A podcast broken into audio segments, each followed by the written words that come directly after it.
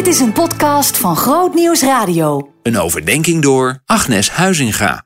We lezen Psalm 29, vers 2. Erken de Heer, de majesteit van zijn naam. Buig u voor de Heer in zijn heilige glorie.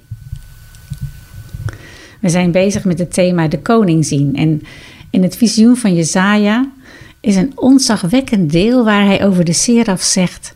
Ze riepen naar elkaar, heilig, heilig, heilig is de Heer God Almachtig. De hele aarde is vervuld van zijn glorie.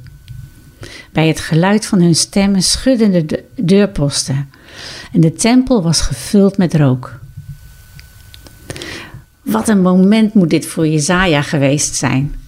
Als hij toekijkt hoe de serafs voor de troon vliegen en zweven en naar hen luisterden als ze tegen elkaar riepen en God aanbidden met zulke krachtige stemmen dat hun geluid de tempel doet schudden. Is het een wonder dat de echo's van de tijd die Jezaja in de tempel was terugklinkt in elk hoofdstuk van zijn profetie? Gods troon, de dienende serafs en de woorden die klinken komen samen om een eeuwige waarheid te versterken. Aanbidding is de belangrijkste bediening van elk van Gods schepselen. En wat is aanbidding?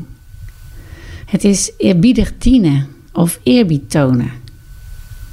Het Engelse worship komt van worthship. Je kent hem waarde toe. Denkt over God en over God alleen. Ons eerste doel op aarde is niet het vormen van een gezin of het hebben van betekenisvolle relaties of een carrière bouwen, maar om God te aanbidden. En aanbidding is veel meer dan enthousiast een paar liederen zingen. Elke dienst aan God is een vorm van aanbidding. En alle aanbidding is een vorm van God dienen. In openbaring zie je bij hetzelfde als bij de serafs. De hemel is een plaats waar volop aanbeden wordt en waar de heiligen dag en nacht dienen.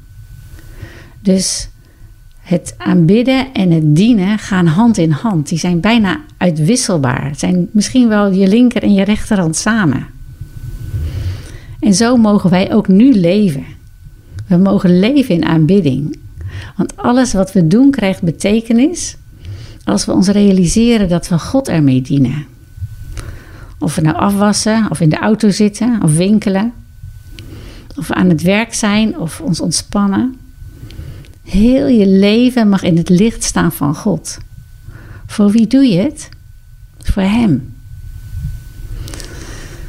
En Vader, we danken dat ook de alledaagse dingen van ons leven betekenis krijgen, omdat we voor U en door U en tot U mogen leven. Dank u wel dat U zo, ja, zoveel diepte en zoveel kleur geeft aan ons leven, omdat we met U verbonden mogen zijn. En vul ons met uw geest, zodat we ook vandaag ons bewust zijn dat in de kleine dingen uw licht zichtbaar is. Amen.